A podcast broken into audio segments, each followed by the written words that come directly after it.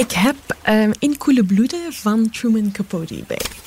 Het boek gaat over een koelbloedige moord in een afgelegen dorpje in het Amerikaanse Kansas. En het is eigenlijk een waar gebeurd verhaal. Dus Truman Capote heeft hiermee eigenlijk, zeggen mensen, de eerste non-fictie roman geschreven.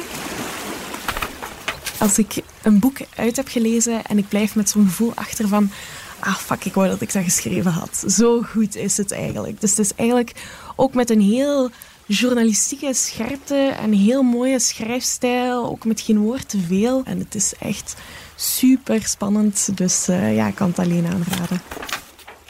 De eerste zin is... Het dorp Holcomb ligt op de hoge tarwevlaktes van westelijk Kansas. Een eenzame streek die andere Kansasers de Rimboe noemen.